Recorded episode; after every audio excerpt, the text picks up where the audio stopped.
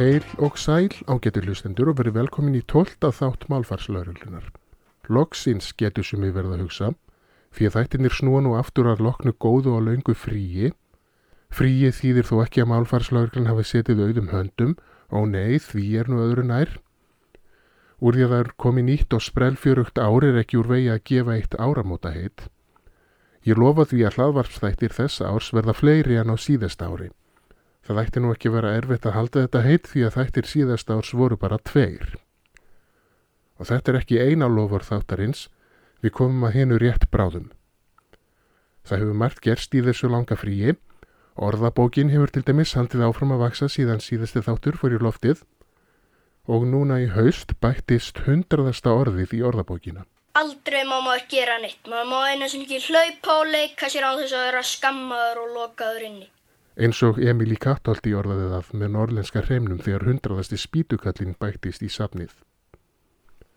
Ég held nú ekkert sérstaklega upp á þennan áfanga, en af tilipni af hundraðast orðin er því hér með líst yfir að þegar 400 orðamúrin verður rofinn verður farið að hugað prent útgáfu orðabókarinnar. Hlustendur sem vilja sjá það gerast eru þess vegna kvartir til að vera duglegir að senda inn hugmyndir að nýjum orðum. Það má gera til dæmis á vefnum orðabókin.is eða með skilabóðum á Facebook eða Twitter. Og svo er það orð ársins, við komum að því síðar í þessum þætti. En fyrst að tilefni, eða af tilefni. Hvort er það?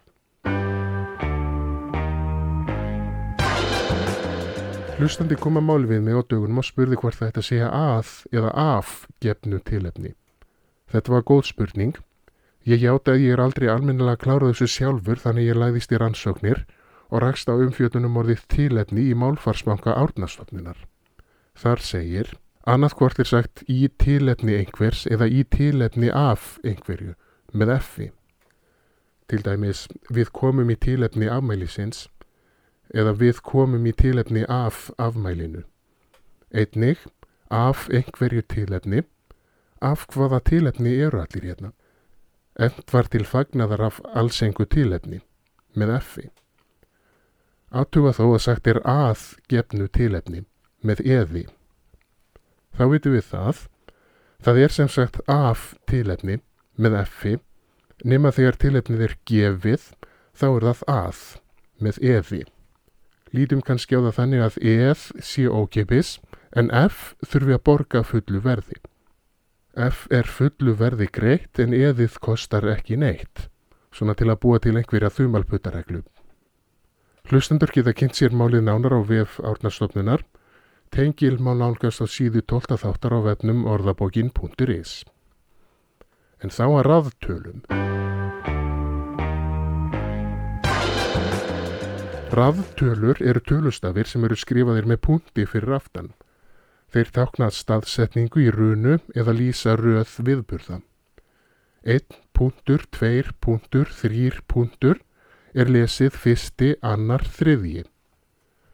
Íðurlega rekst ég á ranga notkun á raðtölum, sérstaklega í rítuðum texta á internetinu. Þessi ranga notkun fels í því að punktur er settur aftan við tölur þegar það á ekki vera punktur og eftir þeim. Oft má sjá dæmi um þetta hjá foreldrum og samfélagsmiðlum að segja frá afmælum batna sinna. Til dæmis, þessi dama er þryggja ára í dag, er skrifað, þessi dama er þrýr púntur ára í dag. Þá ætti að lesa þetta, þessi dama er þriðja ára í dag.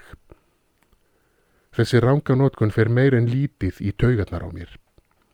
Púnt á ekki að skrifa á eftir tölum nema þær séu raðtölur eða þegar þeir eru hafðar í loksetninga eða þegar þeir eru hluti af vefslóðum eða IP-tölum en það er nú önnur saga. Hér eru tvö dæmi um réttarnótkun. Dæmi 1. Ragnæður hafnaði í öðru sæti í 200 metra bringusundi. Þarna á að vera punktur og eftir tveimur í tveir punktur sæti en ekki á eftir 200 í 200 metra bringusundinu. Dæmi 2. Í dag, 12. desember, fagnar þessi drengur 10 ára afmæli sínu. Þarna á að vera punktur á eftir 12, það er 12 punktur desember, en ekki á eftir 10 í 10 ára. Höfum það á hreinum. Annað sem ég hef aldrei þólað verið eitt átt á tölum er þegar tölustöfum og bókstöfum er blandað saman í stæðin fyrir að skrifa töluorð beint út með bókstöfum. Það er einhver hefð fyrir því í ennsku að nota bæði bókstafi og tölustafi samanber þegar first er skrifað 1st, second er skrifað 2nd, third er skrifað 3rd og svo framvegis. En þessi rítátur virkar ekki alminlega á íslensku. Ég venst í til dæmis aldrei að sjá eignarfall töluorðana eins til fjögra skrifa með bókstöfum í bland við tölustafi. Það er 1, NS, 2, JA, 3, JA og 4 RA. Uppálega hefur þetta verið gert til að spara stafafjölda en þess ætti ekki að þurfa lengur. Það eru því vinsamlegt tilmæli frá málfarslögriklunni að minn skrifi þessi orð frekar bara með bókstöfum. Eins, tveggja, þryggja og fjögra. Það er ekki svo erfitt. Þá er þessari tölu um tölur lokið en snúm okkur næst að kostningum.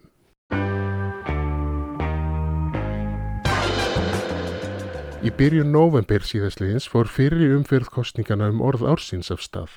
Orðin sem kosið var um kom ekki öll fram á sjónasviðu árinu 2018 og mörg þeirra höfðu verið til ansi lengi en þau áttu það öll sameinlegt að hafa byrst í orðabókinni frá 1. november 2017 til 31. oktober 2018. Í fyrri umferð mátti velja 5 af 51 orði og gefa þeim stig frá einum og upp í 5. Tíu stigahæstu orðin komist áfram í setni umferð. Og orðin sem komist áfram í setni umferð voru í stafrósröð, áhrifavaldur, bongo, bumbubúi, hú, kynsegin, Lazarus, Mórall, Prófljóta, Pilsuparti og Sjómli. Nú er setni umferðkostningana lokið og því er komin tími til að uppljóstar um það hvert að þessum tíu orðum hlýtur titilinn Orð ársins 2018 á vefnum orðabókin.is. 1160 atkvæði voru greitt í setni umferðinni og orðið sem flestir völdu var áhrifavaldur með 215 atkvæði. Fast á hæla þess fylgdu Prófljóta með 191 atkvæði og Sjómli með 157 atkvæði.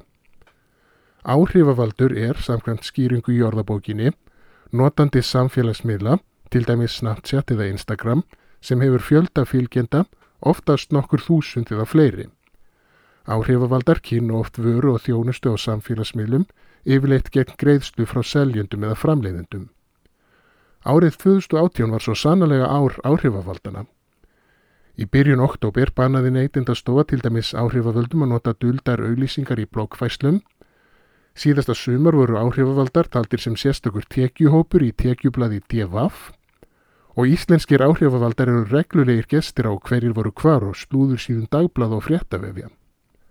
Og nú í upphafi ársins 2019 er það orðin full vinna hjá mörgum að vera áhrifavaldur og ríkiskatsjóri er meira að segja að kanna starfsvettan þeirra og kortleika hvernig greiðslum til þeirra er hátað, því að þetta verður ju alltaf vera löglegt. En sem sagt, til hamingi með orð ársins áhrifavaldar og aðri hlustendur. En tættunum er þá lokið í þetta sinn, hverskins ábendingar, rós, kvartanir, tillögur og annað sem hlustendum kann að detti í hug má senda í gegnum vefin orðabókin.is. Einning má nota samfélagsmiðlana Facebook og Twitter til verksins. Lifið vel og lengi. Passið ykkur á duldum auglýsingum áhrifavalda. Góðar stundir.